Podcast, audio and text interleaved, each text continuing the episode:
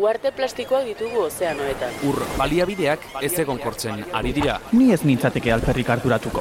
Fenomeno aislatuak dira. Bizioiturak eta herri egiturak aipatu izan dizkidate, zerikusirik balute bezala. Erleak kontserbatzeaz ere hitz egin didate. Baita ariztiak zaintziaz edo ezeguneak babestiaz ere.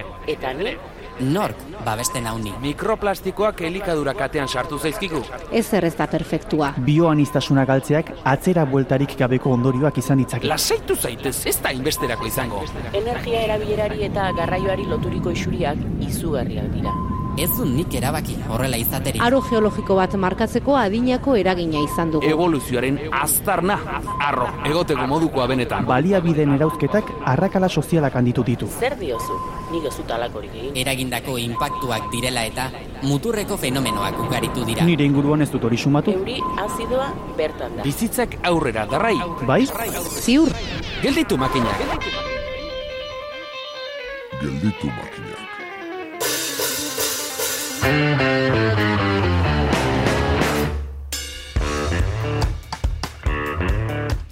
Korrontearen aurka joateak energia asko eskatzen du. Pentsa, marea bizixiagoetan geldirik mantentzea bera zaixamarra suertatzen bada. Gizakiaren ezaugarria da ordea, ingurua bere probetxurako baliatzea, eta nola ez, korronteak indarra badu, egongo da moduren bat energia hori transformatzeko.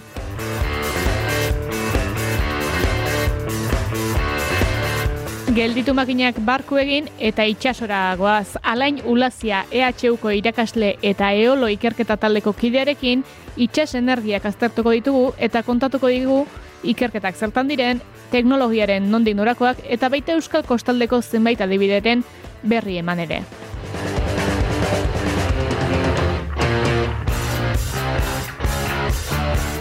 Bestalde badaude itsaso artifizialak, aizarna zabalgo olatu ez gain, esan nahi baita.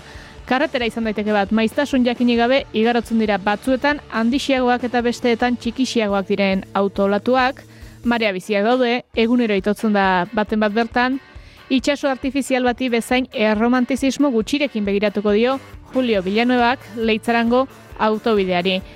Ekintzaile ekologistaren garapenkeriaren aurkako mugimenduak eta desobedientzia ekintzak oroitzen ditugu eta hause izango dugu laugarren saioa.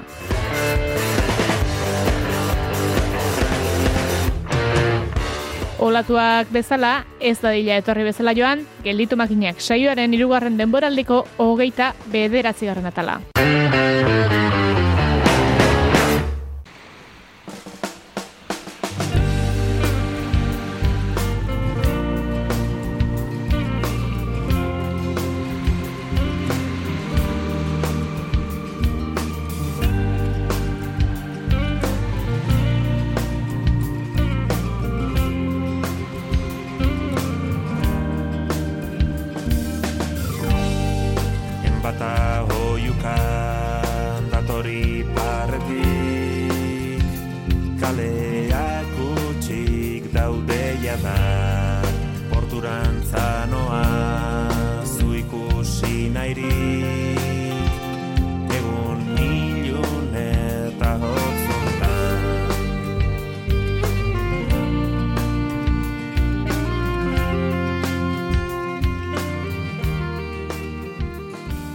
Planetaren gainazalaren euneko irurogeita mar inguru itxasoz eta ozeanoz osatuta dago, zaila da beraz ez ikusierena egitea. Baliabide mordoaren jatorri dira, aldea egon badagoen arren, baliabide ozeano edo baliabide iturri gisa erabili, eta gaurkoan energiaren ikuspegitik helduko diogu gaiari, alain ulazia, EHUko irakasle, eta eolo ikerketa taldeko kidearekin, ongi etorri alain. Kaixo Eli, bai, mileske gombitagatik. zuri onartzeagatik eta tira esan dugu, eh, e, itxasoa edo itxas energiak landuko ditugula, baina itxas energia bezala badago sailkapenik, alegia badaude marea bidez e, mugitzen direnak, kolatu bidez, hor denak zaku berean sartzen dira, ala sailkapen bat egiten da. Bai, badago olako sailka- sailkapen oinarrizko bat, e, gaur egun itxas energiatzat ere hartzen da, itxas aizea aprobetsatzen duten aize egoten kasua, batez ere flotanteena eta hori ba, itxas energiako masterretan eta ikasketetan e, barruan konsideratzen da. Itxasaizearen aprobetxamendua. Eta gero zu izan duzuna, mareena, aintzinatik erabili izan dena itxaserrotetan, ez? Euskal Herrian badira adibideak. Lekeition e, kagazpixo ondartzara bidian dagoana, eta e, baina oin ikerketan oso sartuta eta e, landu nahian da bilena, eta badakigu energia natural handi hori existitzen dana, baina orain arte o, gailu batek teknologikoki ez du konbergitu komertzializazio indar nahiko batekin, o dago olatuen energia. Hmm. Olatuen energian baitan, ba, ba hori, olatua beradak eren indar hori aprovechatza da idea. Eta gero, aparte, badaude beste bi kontzeptu dela gradiente, eh? gradiente esaten denean da jauzioa dagoela, diferentzia bat. Odan, itxasoan, gazitasun diferentzia aprobetsatzen, edo temperatura diferentzia aprobetsatzen oso tu daitezke zirkulazio batzuk e, urarenak e, ba, hortik energia ateratzeko. Gazitasunaren arabera aldatzen delako temperatura? Ez, bi aparte dira, gazitasunaren diferentzia aprobetsatzen da, oso leku gutxi konsideratzen da e, daudela munduan hor potentzia daukatena, baina batez ere ibai haundiak oso emaritzua dianak, ere ur geza eta itxasoko gazitasun arteko diferentzia hori aprobetsatzen denean e, ibaia itxasoratzen da lekuan, ez? Hmm. E, hor diferentzia hori natura dauka berez gazitasuna orekatzeko joera, orduan ura azten da gezetik gazira bere zirkulatzen, eta zirkulazio horren ez, abiadura eta emaria aprobetsatu daiteke turbinatzeko, ez, turbina hidrauliko bat egin. Eta berdina da ideia, diferentzia dena temperaturena, baina konzeptua, e, konzeptu fizikoa implementatzeko oso ez baina da, horiek itxasontzi batzu izango lirake, batez ere Karibean edo Ekuadoretik gertu dauden lekuetan nun itxas azaleko temperatura altua. Eta handik hogei, hogetamar metro, esaten da, metro bajatu ezkero, hor, bi puntu nartean da, temperatura diferentzia, urak vertikalean, ez, beraz daukan temperatura diferentzia aprovechatuz, hor ere zirkulazioa sortu daiteke, ba, bero pompetan eta erabiltzen den idea gaina da geotermian, ez? Etxea berotzeko lurra lurraren temperatura diferentzia erabiliz. Eh, bai idea berdina da, baina bai gazitasun gradientea eta bai temperatura gradientea itxasuan eh, konsideratzen dira oso leku beresi eta urrietan eh, hmm. aplikatu daitekela.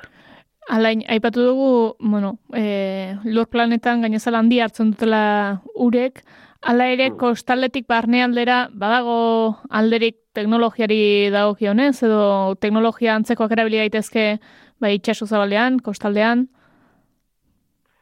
Itxasoaren barroan hitz egite, zen dut, lurreraino. Hor bai, aizerrotak eta o kasu paradigmatikoa da, izerrot, itxasa izerrot eta zitze egiten denean iaia lurrekoa bezalakoa dira finkoak direnak, eta hori konsideratzen da, kostatik gertu ipindi daitezkeela, baldin eta uraren sakonera, oetan marmetutik beherakoa bada.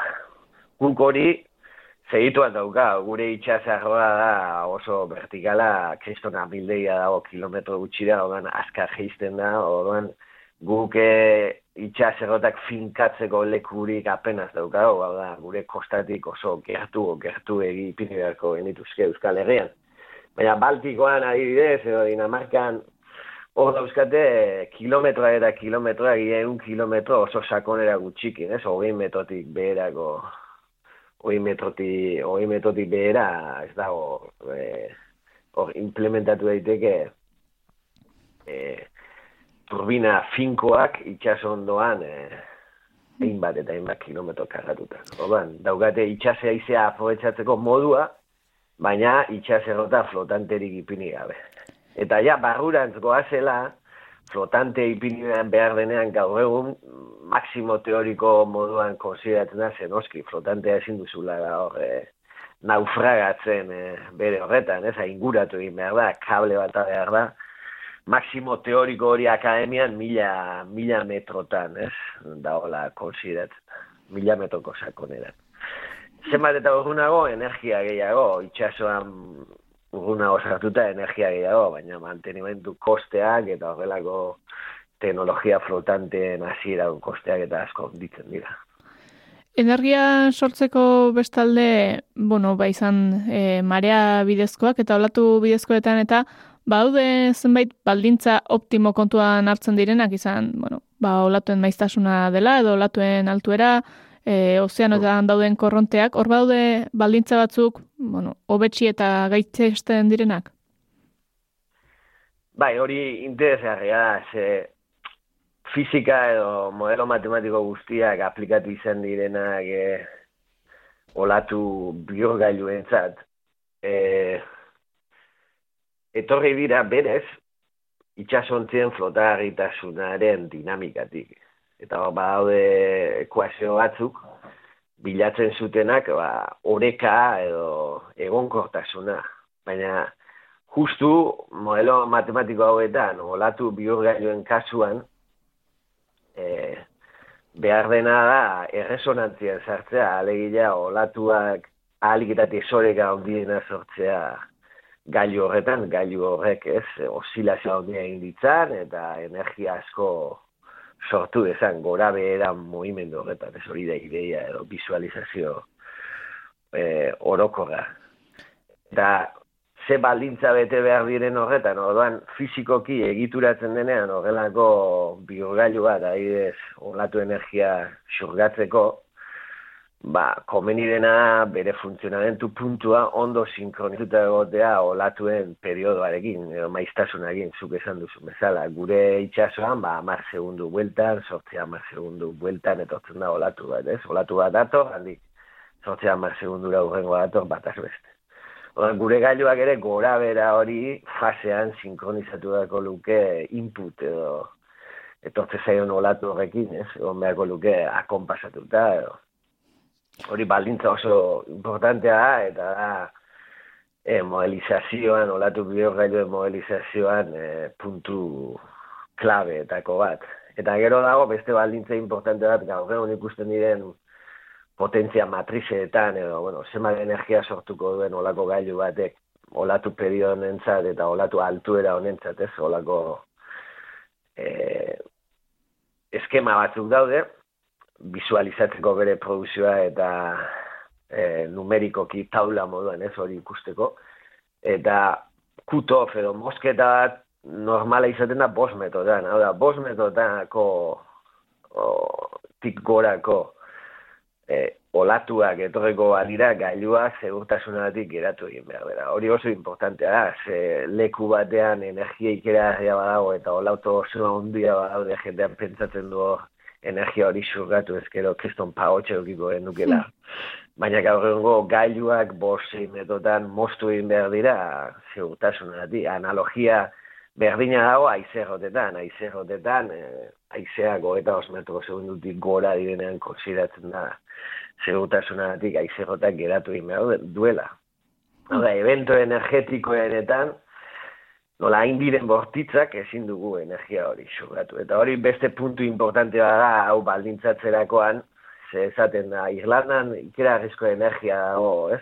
Geofiziko esaten dute, edo fizika meteorologikotik esaten nahi ikusita datua golatuena, hemen ikerarrezko energia da hor ipini beharko genuke, baina hain, hain handia da aldakortasuna, batez ere neguan, eta marmetoko olatua etorri daitezkela, hor ez da seguridadeagatik zure inbertsio guztia pikutara joan daiteke egun baten.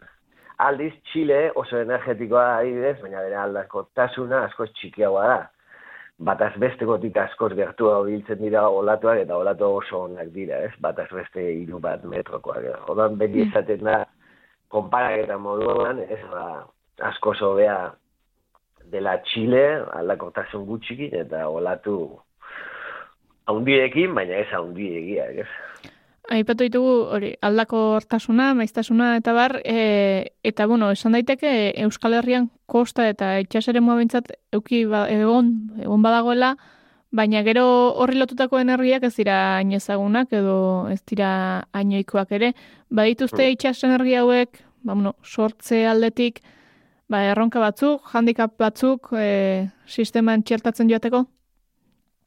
Bai, bai, noski, itxas energiak Euskal Herrian ez daude garatuta, baina inon gutxi, ez daude garatuta, ez baldin ba, laro eta margaren amarkatik, ba, Baltikoa bezalako toki berexi baten, no, oso txikia diren, eta eta gainera olatuak ez, ez, itxasaizea, ez, eh, aprobetxatu den.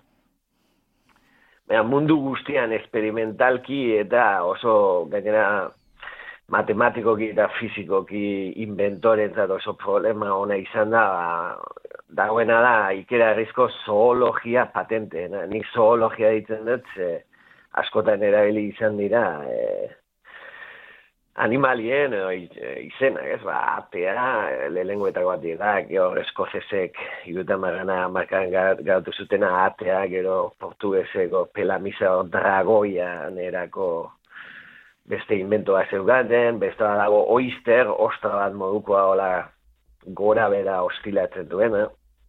Orduan, claro, daude hainbeste invento eta patente eta, baina ez dira komerzializatu, ez, olatu energiari dagokionean hori ez da edatu eh, nahi, eh, nahi beste. Eh, baina bai Europako eh, etorkizuneko mix energetikoan eh, parte eh, parte txiki bat ez edukitzea eh, espero den, ez, eguneko amarra ez eta hitz egiten da, ez produzioaren, ez. Etor, Orduan Euskal Herrian, e, Euskal Herrian esan duzun bezala ikusita nola dauden munduan gauzak eta bai badaude aurreratuta eta handikapak eta daudenak eta e, hor daude, baina aurreratuta dauden gauzetan, ez mutrikuko planta bada e, experimentalki behintzat e, munduan referentea, e, ikertzeko in situ eta benetako tamainuan e, itxas turbinak, ez, olatuen energia aprobetsatzen duten turbina, bai, turbinak, eta etorkizunera handikap moduan, garatzeko eta hemen produzio energetiko itxasteak bat eukitzeko, ba hori sakonera nagusia, itxasaizea batez ere etorriko den teknologia nagusia e, Europara eta eta ingurura, bai Txinan eta bai estatu batzuetan eta itxas eh, energia flotantea hori badator, Eskozian ja lehengo parke eolikoa pare bat urtean bada funtzionatzen. Hemen daukaguna da, hain dela sakona, e, itxas amildegi hori, bos mila metrotara jausten dara, inkluso mila metroko sakonera nik esaten duena unguratzeko ere kostatik gertu daukagula, ez.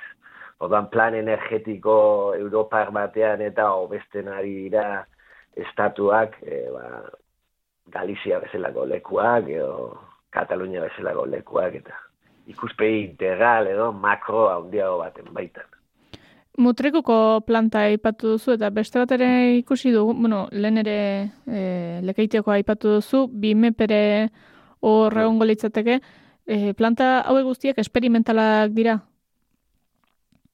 Esperimentuak egiteko, ba, mutrikukoak e, produzitzen du, tamainu realean dago, baina bere balio nagusia da e, OVC edo e, urzutabe osilatzaileerako e, teknologia, hau da, olatua sartzen da, olako kobazulo kamera baten baitan, haizea presionatzen du, eta haize presionatu hori xurgatzen du turbina berezi batek. Hori da ideia, ez, e, urzutabe osilatzailearena. Eta daukan balio nagusia da, eta mundu guztiko ikertzaileak eta etortzen dira bizitan, eta e, Europatik eta laguntzak eta batoz o, fase hori hau da aire konprimitu hori horrek eta turbinaren arteko e, xurgapen e, une hori hobetzeko, ez, ikerketa mailan eta tamainu errealean ez modelo txiki bat piztina batean olatu artifizialik sor- sortzen, baizik eta benetan, ez, hori instalatuta badagoela, hortaz errealki ikasteko eta hobetzen joateko ez, leku bat. Bere produzio energetikoa den eta sare energetikora eman dezakeen elektrizia kantidadea kanpola eta. Eta bime pere esperimentala da, zentzu horretan, ez? E, Bizkaiko itxas energia plataforma, e, itxaspean badago sare elektriko bat implementatuta, edo zein enpresak bere inventoan, nahi baldin badu proban jarri ere horretan, entxufatzen du, eta han ja, neuketa egiten hasten dira, eta testeoko leku bada ikusteko mm, kontzeptu hori nola ari den funtzionatzen, aher espero dena produzitzen ari den, eta berez e, e, testeoko ere bada. Bai. Aipatu dituzu, bueno, hauek, hori, testeko plataformak dira, eta, bueno, Euskal Herrian handikap bezala sakonera ikusten dela. Beraz, Euskal Herriari dagokionez, e, itxas eta onar, olatu energiari begira, badago aukerarik aurrera begira produzitzeko, e, beste lurralde batzuk hobesten direla aipatu duzu, baina hemen konsumo lokalago baterako aukera zela ikusten dituzu? konsumo lokalago baterako markatu den ere txikia itxasoan, itxasaizea aprobetsatzeko, beti da matxitxako egiten duen itzala, ez nik esaten dut, aizea hemen etortzen da Galiziatik, Galizia aizea da hemengo aize nagusia, horregatik zenbat eta Galizia alderago potentziala handiagoa da. Eta hor, matxitxako egiten duen itzalaren aurrean jarri ezkero, Bilbo parean eta hor, eremu apoetxarritzat jotzen den e, leku bat ja markatu dute e, estatutik e, posible bezala. Baina oso txikia da konparatzen e, adibidez Mediterraneoan, Katalunia eta Frantzia artean, ez, Leongo Golkoan dagoen eremu haundi horrekin e, non tramuntana edo deitzen da, ez, haize e, kontinentala, ez, mediterraneo eta kontinentea den arteko presio diferentziat izaten den aize indartxu horrek ikerazko potentziala duka hor, hor ere mondioa markatu da, baita ere Galizian, Galizia batimetria edo itxasakonera hobea dauka ere, aparte aize indartxu hauak, bueno.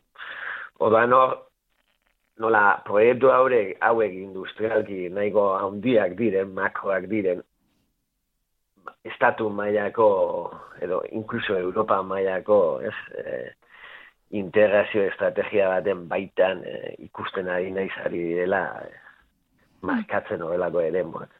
Odan, gure independentzia energetikoari edo energia berreiztarrietatik e, independentzia energetiko bat e, lortzeari begira eta niko bestuko nituzke lehengo, dudari gabe fotovoltaika komunitarioa eta gune degradatuetan eta gure teilatuetan eta inbeste ere dago e, aproetxatzeko fotoeltaikarantz eta dauzkagun parke olikoak lurrean gutxi dira, gutxi ora era eundo, eun eun darrota marturbina dira ogizen badaian eta elgean, ez Euskadi eta zitze egiten mago, gero Nafarroak ikera esko potentzial eolikoa dauka, ber, berriztu ezkero orain den parke eoliko zaharrak non turbina txikiagoa dauden.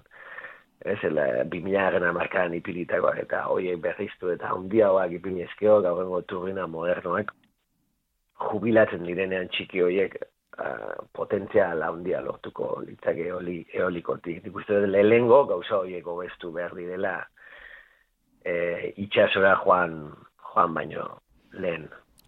Da jasota geratuko da hori. Hala ere itxasen orkerekin hasiko gara hasi gara eta hortik jarraituko dugu. E, bada bai. olako beste kezka bat, e, alain, bueno, ba, fenomeno meteorologikoak bortizten doa zela eta, bueno, hor badago itxasmaia goruntz doanaren evidentzia bat. Horrek eragin dezake energiaren ekoizpenean? Bai, bai, gu berez e, gure taldea gure taldean, bueno, fizikaria, matematikaria, ingenieroa neko interdisciplina gara eolon, eta gure talea izagarritzen duen gauzatako bada aldaketa klimatikoa eta energia berriztaren produzioaren arteko lotura hori egiten dugula. Hau da, e, egin beharrean prebizioa, gero, eta lau ordura, ez, e, izaten direnak, oikoak, e, energia berriztaren arloak, komertzialki, edo eguneroko tasonian, garrantzia ondia dukalago guk, e, epe luzeko iraarpenak egiten ditu aldaketa klimatikoaren eszenario ezberdinak kontuan hartuta, CO2 xoketen arabera, esaten da, o, eszenario ezberdina dela, eta senatoki e, horien baitan egiten diren proiezioetan oso importantea da itxasoan, e, olatuak geroz eta haundiagoak izango direla, eta ez hori bakarrik olatu handiak gertatzeko probabilidadea ere e, handiagoa izango dela. Eta jendea pentsatzen du e, energia gehiago ekarriko lukela horrek. Ez da, baina oroko, eh? daude leku batzuk eh, aldaketa klimatikoari ikusten ari garenak eh, energetikoagoa izango dela olatu eta aizeari dagokionean, baina kontraintuitiboki beste leku batzutan Europan eta zonalde handia ikusi ditugu beheranzko joerak. Hau, hor inflexio puntu bat ari da gertatzen, ze iragana aztertuta, ze iragana ere desenta aztertu dugu, e, goranzko joera bat ez ere iruro iaren amarkadatik onantza olatuen alt, altuerarena eta muturreko olatuen probabilitatearena oso, oso naharmena izan da e, Ako Atlantikoa deitzen den hmm. horretan, ez, Portugaletik hasi eta Irlanda gaino joan eskero.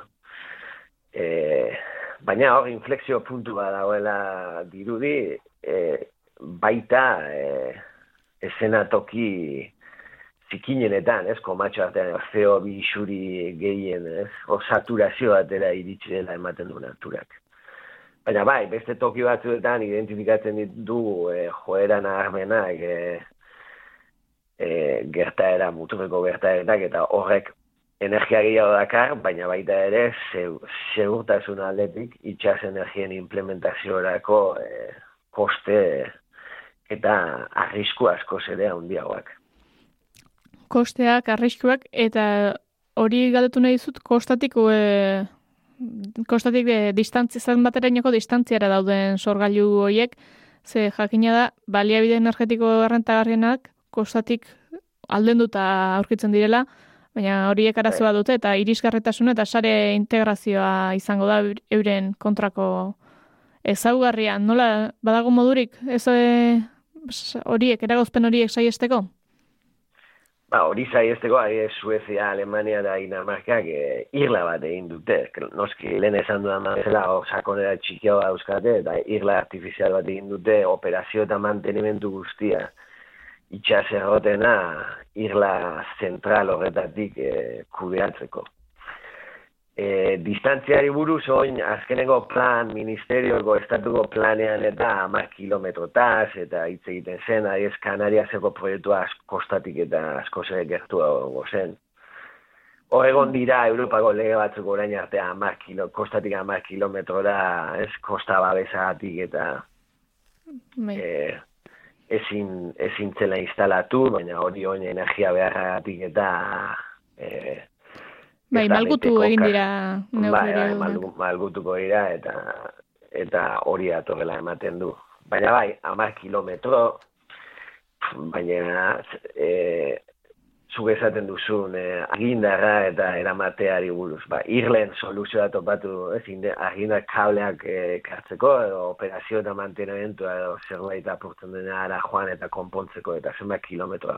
Irlaren soluzioa topatu dute hauek, baina Bueno, badaude beste idea batzuk ere, tematuta daude ez nanteseko ikertzaile batzuk eta defendatzen dute far offshore, hau da, urruti, joan, ez? Osea, hau ja izango litzake jendea pentsatzen dutaren kontra, ez joan urruti, eta petrole, petroleoa eta eramaten duten bezalako barko handi horiekin, hidrogenoa sortu Atlantiko herrian, hau da, itxasoko ura elektrolizatu, eta aizero eta handi batzuekin, han bertan egon, egun batzuk, han ikera energia dago, berez, e, borraskak eta antizikloia sortzen diren hor, ozeanoko zentro hori oso energetikoa da, eta orko aizeak eta aprobetsatzen egon ezkero e, flotatzen dauden gailu batzuetan e, itxasoa elektrolizatu eta hidrogenoarekin kargatu ezkero, eukiko genuke fuel berdea, aizetik sortu dugun erregai bat, eta porturatu ahal izango litzakela, eta olako diskusio asko daude, eta eta teknoekonomikoki bideragarria dela defenditzen duten idea asko. Ba, jendea izaten du kostatik gertu egon beharko du, nola joango zara araño, baina bueno, ba, olako, olako ideak. Eta inkluso leku itxasotik gertu, Txilen, orain ko, e, Audi eta Porsche eta esaten ari dira terreno asko erosten ari dela Txile egoaldean, e, itxasotik gertu hor, anta, zeako, aize antartikoa daude, magailan azeko bitarte horretatik pasatzen direna eta munduko lago aize potentziala ondienetako daukaldeko, baina han ez da inor bizi. Hmm. Han ez da oinarte ezer instalatu. Itxasaize potente hori aproetxatu, zura elektrolizatu eta hidrogenoa sortu ezkero, esaten ari dira, eta ja, e, martxan daude, ja, proiektu pilotua ja martxan daudean, e, hidrogenoa sortu eta erregai sintetikoa, ez? Orain azkeneko asteetan hainbeste entzun dugun erregai sintetikoa sortzeko bai. ideak hor daude. Orduan, urruti joate hori erlatibizatu daiteke asko etorkiz urrengoa markaet. Mm, gero gaita ere hidrogenoak azken boladan, azken amarkadetan eta, bueno, azken urtetan batez ere, ba, erakargarretasun handi hartu delako eta geroz eta gehiago aipatzen delako alternatiba gisa, ez? Agian hortik tirata izan daiteke mugimendu, alako mugimendurik. Bai, claro, horre da ona da, ba, depositua betetzea, ez? Eta dago konbustioko motora, hainbeste urteetan, enpresen arte hainbesteko kompetentzia dela da perfekzionatzen joan den konbustio motor hori oina atzera laga behar dela, bueno, baina hori esaten ari dena dira Petronor eta olakoak izan dut. Baina, baita ere behiratuta gure flotari eta gure euskon kotxeari behiratu eta nik inguruan entzuten duanatik eta oraindik jendeak eset, oso esetikoa elektrikoarekiko eta Eta hor, ba, Alemaniako esan duen, ez, aste honetan jarri dituen baldintza direla eta 2000 eta hogeita maosterako erregai sintetikoa onertuko ote den, ez, gure ohiko kotxeetan aldaketa txo batzuk eginda, baina konbustio motokarekin segitzeko. Ez da hori iriki denean eta ematen duenean aurrera joango dela hori, horrelako proiektuak hidrogenoa sortzeko eta gero hidrogenoa CO biarekin, eh, elkartuta erregai sintetikoa sortzeko e, proiektu hauek e, geroz eta indargiago hartzen ari dela dirudi. Eta hor, e, aizea klabea da. Ze askotan, aizea asko dagoenean, ez gara e, elektrizidade hori konsumitzen ari, gertatu izan da 2000 sortziko krisi hueltan, ez? 2000 amara maika ez da gino izen aste santu batean jende oporretan, industria geratuta, aizetea sartu zen Galiziatek, Galiziatik, Galiziako parke olikoak eta Kastilagoak eta topera funtzionatzen, momentu horretan, e, estatuari zen hainbeste aize energia sortzen, ez, konsumitzen ari ginena baino, gehiago. Hor, galtzen den, momentu horretan galtzen den energia guzti hori hidrogenoa sortzeko e, aproetxatuko dela, ematen du, e, ere, hmm. ziurra izan, ez ziurra izango dela. E, aurrera begira jarreta lain, uste duzu, bueno, mix energetikoan duten lekua geroz eta handiago izango dela ba, itxas energietatik eh, eratorretako energiek? Europako komisioaren estrategietan eta hitz egiten da euneko amarraz eh, baina batez ere hor konbergituko duen eta eta ja funtzionatzen ari den e, teknologia da itxas e, errota flotanteena.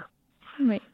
Eta bai, hori hori gero ez eta agiago ikusten da, e, hori aurrera datorrela eta hor gatazka bat etorriko da, e, ba, arantza industria eta gune hauek radarrez bete eta oso kontrolatuak izango dira, batzuek esaten dute e, koral artifizial batzuk sortuko direla eta arrainentzako eta gune e, babestua izango direla, hori ikusi egin beharko da, izango da hori ematen da sinergia badagoela esaten dute batzu, baina hori oso interesekoa da, fogatu dena da hauek sortzen duten zaratagatik eta eta uretan zarata eh, airean baino askaz, askoz azkarrago edatzen da, eh, ugaztunek, ez, itxas ugaztunek eh,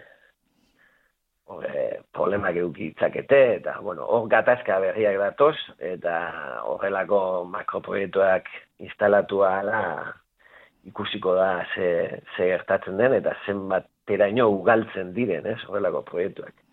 Baina irlen kasuan, Kanarias irlak ez, e, adibide klarua da, ba, ukate potentzial bat, beraien e, konsumo energetikoa, batez ere elektrikoa dena, ez daukate industria pizutzurik, turisti, ez turismoti bizita eta hierrok ja egiten duen bezala, e, ia euneko euna, e, beraien konsumaren euneko euna, e, e, aizetik ateratzeko eta konkretuko eki itxas aizetik, ez?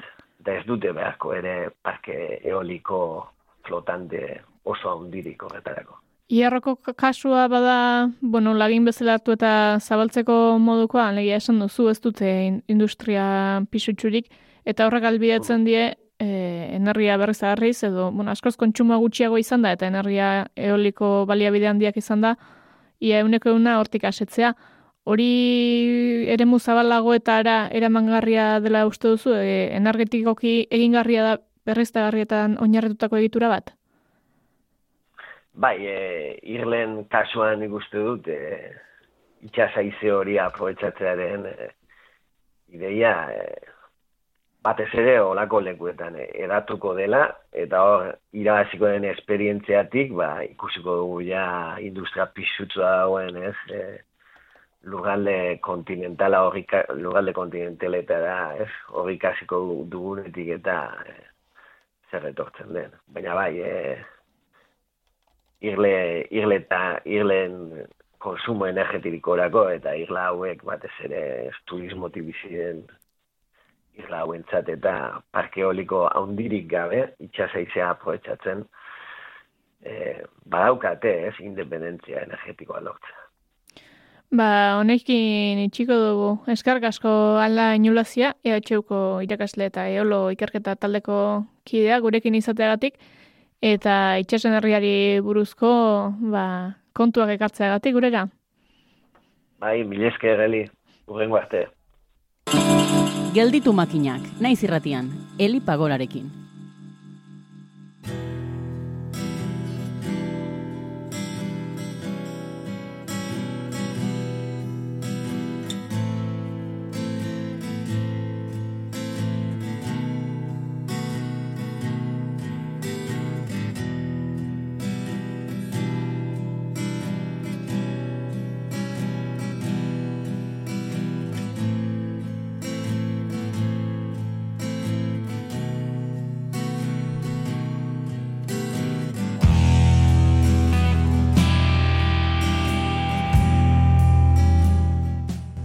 Julio Pillanuevarekin izandako solasaldi historikoei helduko diegu jarraian.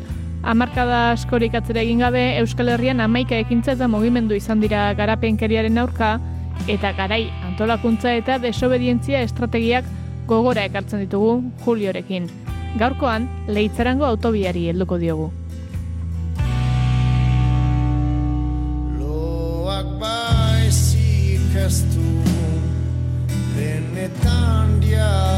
Diabaltzen loak gaitu. Berizten lo denean azkenian dena amaitzen da lo denean. Mila behatzireun da laro goita inauguratu zen lehintzarango autobidea Gipuzkoa eta Nafarroa lotzen dituena Etzan ordea hau ere giro harmoniotsuan egindako proiektua izan, laro eta bostetik okorrezpan hau mobilizazioak izan zirelako proiektuaren aurka, ingurumenari kalte larriak eragiten zizkiola eta proiektua bertan bera usteko eskatu autobidearen aurkako koordinadorea sortu zen, eta baita gerosiago lurraldea taldea ere, baina tira batez ere, Nafarroan eragin handia izan, izan zuen proiektuak, eta eta horixe horixe galtu nahi nahi dizut, zer nola eta eragin zuen proiektu honek halako aurkakotasuna. Bueno, ba, hemen nolabait hor bazeoen em, oposizioa, bueno, baziren arrazoi asko. Ah, alde batetikan, bazeon e, nolabait bertako baserritarrak, bertako e, lur jabeen e, kontrakotasuna, hain zuzen ere, kao, oso, oso zonalde menditsua delako, hor, aspiroz, e, leitza, eraso, erasun. E, erasun, e, barkatu. E, Areso. areso. E, eta ingurune hori oso menditsua eta eta sekulako kalteak, bueno, biztan da, gaur egun zoritzarrez e, hortik e, pasatzen garenean konturatzen gara. Edo edo igual e, ia ia ba, jendea ja aztu indu, baino hor e, egia esan hor nolabait soziologikoki bi mm, bi motatako populua zegoen kontra, nolabait herrien baserritarrak eta bar, nolabait pairatzen zutelako zea. Eta beste aldetikan ja beste motatako e, kontrakotasuna e, igual hirietatikan e, gentozenena, hain zuzen ere garaioietan, karo hor, e, garaioietan ja sortzen dira ja gaztetxeak, sortzen da her, herri mm, nolabait insumisiotik eta etorritako jendea, e, okupazioa, e, e, irrati libreak, eta hor nolabait sortu zen olako giro bat, nolabait e, agian iritik bertatikan ba nolabait lurra defenditzea eta baita ere e, nolabait e, pentsamolde antikapitalistatik ere, ez? Osea, nolabait hau zela nolabait kapitalaren interesen araberako azpiegitura bat, txikiz, gero e, Aristien komentatu duguna, e, kotxeen kulturarena, eta orduan, ba- ba hor baita ere giro hortatikan gentozenak ere batu inginen, ez, e, borrokortan, osea, Eta gero, bueno, biztan da, gero baita ere, karo, iritik etorritako, adibidez, me, mendizaletasunen inguruan, mendizaleak, gero, adibidez, ba, em, bueno, beste, mot, beste motatako jendea, ez? Batu zen, oso batuera nahiko interesgarri izan zen, ze jendez nahiko ezberdina, gipuzkoatik ere jende asko, ba hori, herri, nolabait, bai, bai baserritarrak, bai inguru horren zaleak eta baino baita ere ba hiri giroko mm, jendea edo herri, bueno, baita ere nahiko herri handiak e, lasarte e, anduain eta o, e, herri hoietatikan ere oposizio oso handia izan zen eta bueno, nolabait oposizio handia sortu zen, ez? E, Aipatzekoa horre hasiera batean, bueno, gaur egun ezagutzen dugun autobia hasiera batean etzela e, ibilbide hori, baizik eta beste leitzaran barruragotik zeharkatzen zuen proiektu bai, baina zela. Hmm. Hor gero, bai, aldaketa mm, txiki bat izan zen, eh? ez pentsa oso, bueno, gerora da, etxeingo dugu horren inguruan, baino, bai, aldaketa mm, esan dezagun txiki bat izan zela. Horrek alare ez zuen eragin, eta ontara bideratzeko zen batez ere, hasiera batean gatazka ekologista bezala edo hartua izan zela autobiaren obra, baina gerora kutsu politikoagoa hartu zuen edo nolabait alderdikoiagoa edo. Bai, hori da, hori da. Hain zuzen, bueno, esan dezagun, gero lemoizti, lemoizte, lemoizko borrokatik, bueno, ja pasata eta hori izan zela oso ez maila bereko intensidadeko borroka bat, baina nahiko handia, ez? Osea, mobilizazio oso handiak, oso e, gatazkatxo izan zen giroa, e, e, sabotai asko egin ziren, e, osea, motaskotako ere irudimen handiko kontuak egin ziren, em, osea, borroka, borroka nahiko handia izan zen, ez? Irudimen handiko... Irudimen handikoak, ez? Eta adibideren batzuk ekarriko zen ezkiguke?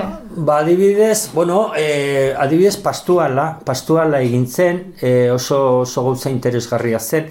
E, pastuala, iparraldeko pastuala bezalakua, herri zerri joaten zena, antzerki moduko bat egiten zuen, e, dena bertso e, abestuta hola, oso oso gauza e, polita izan zen, gero akampada, jode, bederatzi hilabete zeon ginen e, hor uitziko gaina e, gainana akampatuta, hori interesgarria da, ze, kao, perspektibarekin ikusita, e, esan dezakegu, igual, Karo, gerora, e, Frantzian eta askotan e, aipatu izan dire, zad, ez? E, zona de Fandre, zona de Fandre, e, defenditzeko zonak, e, bueno, gehien bat, e, azpimagarriena igual izan dela e, aeroporto, nanteseko aeroportoaren kontrakoa, baina, bueno, e, Frantzian asko egin izan die, baina Jo, eh, esan dezakegu igual, Euskal Herrian igual izan zela lehen zat. Eh, eh, igual perspektibarekin ikusita, eh, ze bere atzi jabete zor erresistitzen izan ginen, ezen justu obretan, obretan, baina bueno, obretatik gertu, eta eta oso interesgarri izan zen, ze, bueno, gutxinez oposit, uh, opositore guztien eh, elkargunea zen, jende asko pasatzen zen, mendi martxak egiten ziren, azalpenak, ekintzak ere, desobedientzia ekintzak, erresistentzia modu bat izan zen, ez? Eta, eta bueno, oso, oso goza interesgarri izan zen, ez? Eta mm, agian, Hor bai e, ikesan dakoa ez, ba, pixkot e, nola desbideratu zen, orduan leno ere nola komentatu dugun autonomia horren garrantzia borroka guzietan eta hemen ere nola bai galdu egin zen ez, e, nola bai e, autobieren aurkako koordinadoraren baitan, e, bueno, pizgarri nola bai banaketa horren pizgarri izan zen, e, e, alternatiba baten aurkezpena. Karo, gu koordinadoran geundenean eta hola, ba, bueno, pensatze gero, bueno, a ber, ba, e, bueno, e, aurkezten alda baldin eta, bueno, be, mm, nola daiteko marragorri batzuk ez baitu pasatzen, ba, ongi dago, baina, karo, marragorriak pasatzen zitun.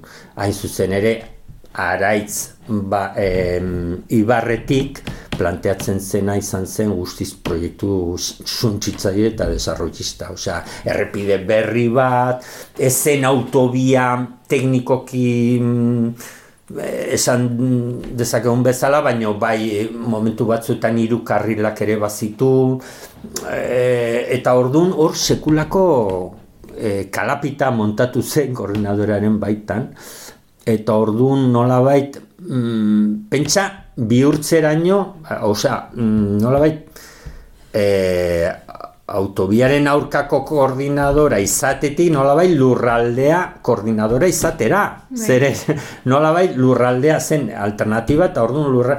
Baina, karo, nolabait mm, gu kritikoen dako mm, hori zen nolabait autobiaren pareko bat eta gainera nundik eta araitzetik, ez? Eta gainera beraien e, nolabait e, adostasunik gabe.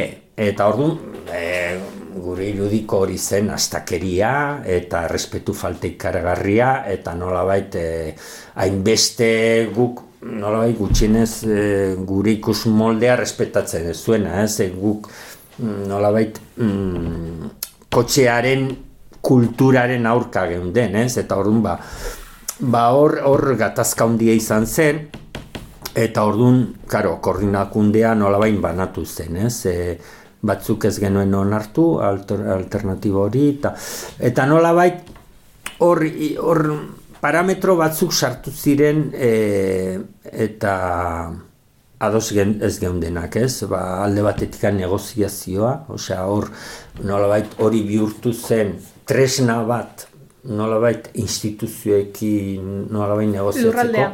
lurraldea bai Mm. eta eta hori eta alternatiba tekniko bat, ez? Eta azkenian ho- hortik, bueno, ikusiko dugu gero atxeteren aurkako borrukan nola hori izan zen e, nolabait oso puntu importantea, ez? Ez onartzearena e, alternatiba teknikoak, ez? E, azkenian salsa hortan teknikarien arteko salsa batean sartzen zara eta ordun eduki politiko guzi horiek e, bazterran uzten dira, ez? Eta ordun guk ikusi genuen hori nolabait saiakera bat, mm, bueno, azkenian azkenian e, ikusi izan zen gerora eta gainera, karo, garai horietan e, ezkera bertzaletik eta pixko bultzatzen zutena e, lurralde koordinakundea e, azkenian inauguratu zenian bestea, e, bueno, nolabait a, em, Osea, nolabait, eh, lurralde, eh, lurralde alternatiba esen planteatzen nolabait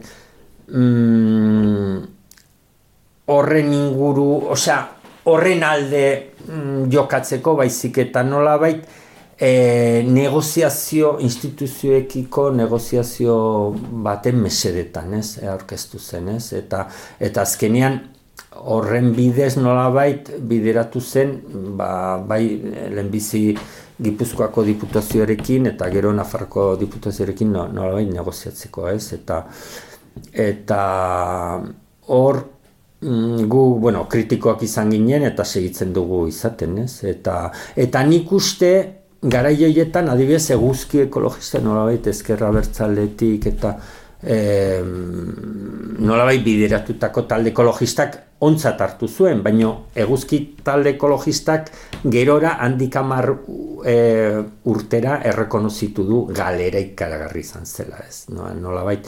Eta ezkera bertzaletik ere batzutan entzun izan dut, ez, osea, nolabait, ze, karo, e, e, inauguratu zenean autobia, gaur egun autobia, e, ezkera bertzaleak e, txampanarekin e, e, ospatu zuen.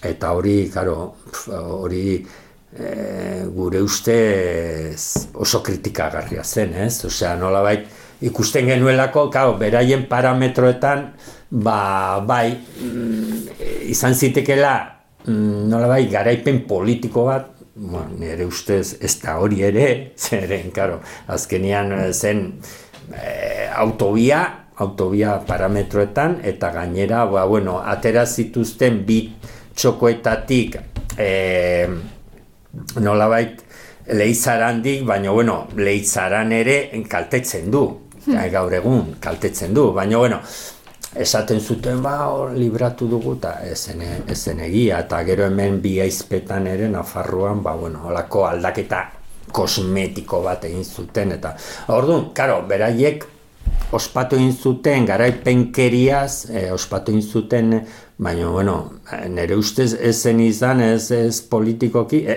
are gutxiago ekologikoki zen garaipen bat izan.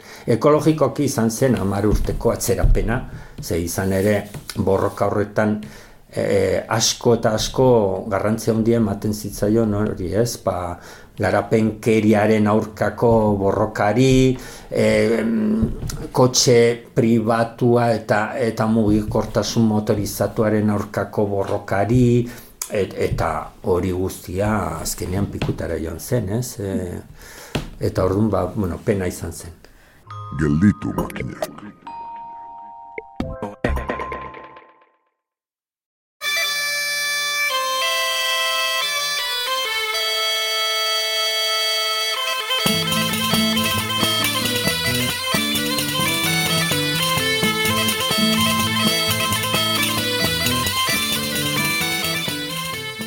Txampainari bezala gaurko saioari ere bukatu zaizkio burbuilak antza eta hementxe utziko dugu ongi izan eta datorren erarte entzule.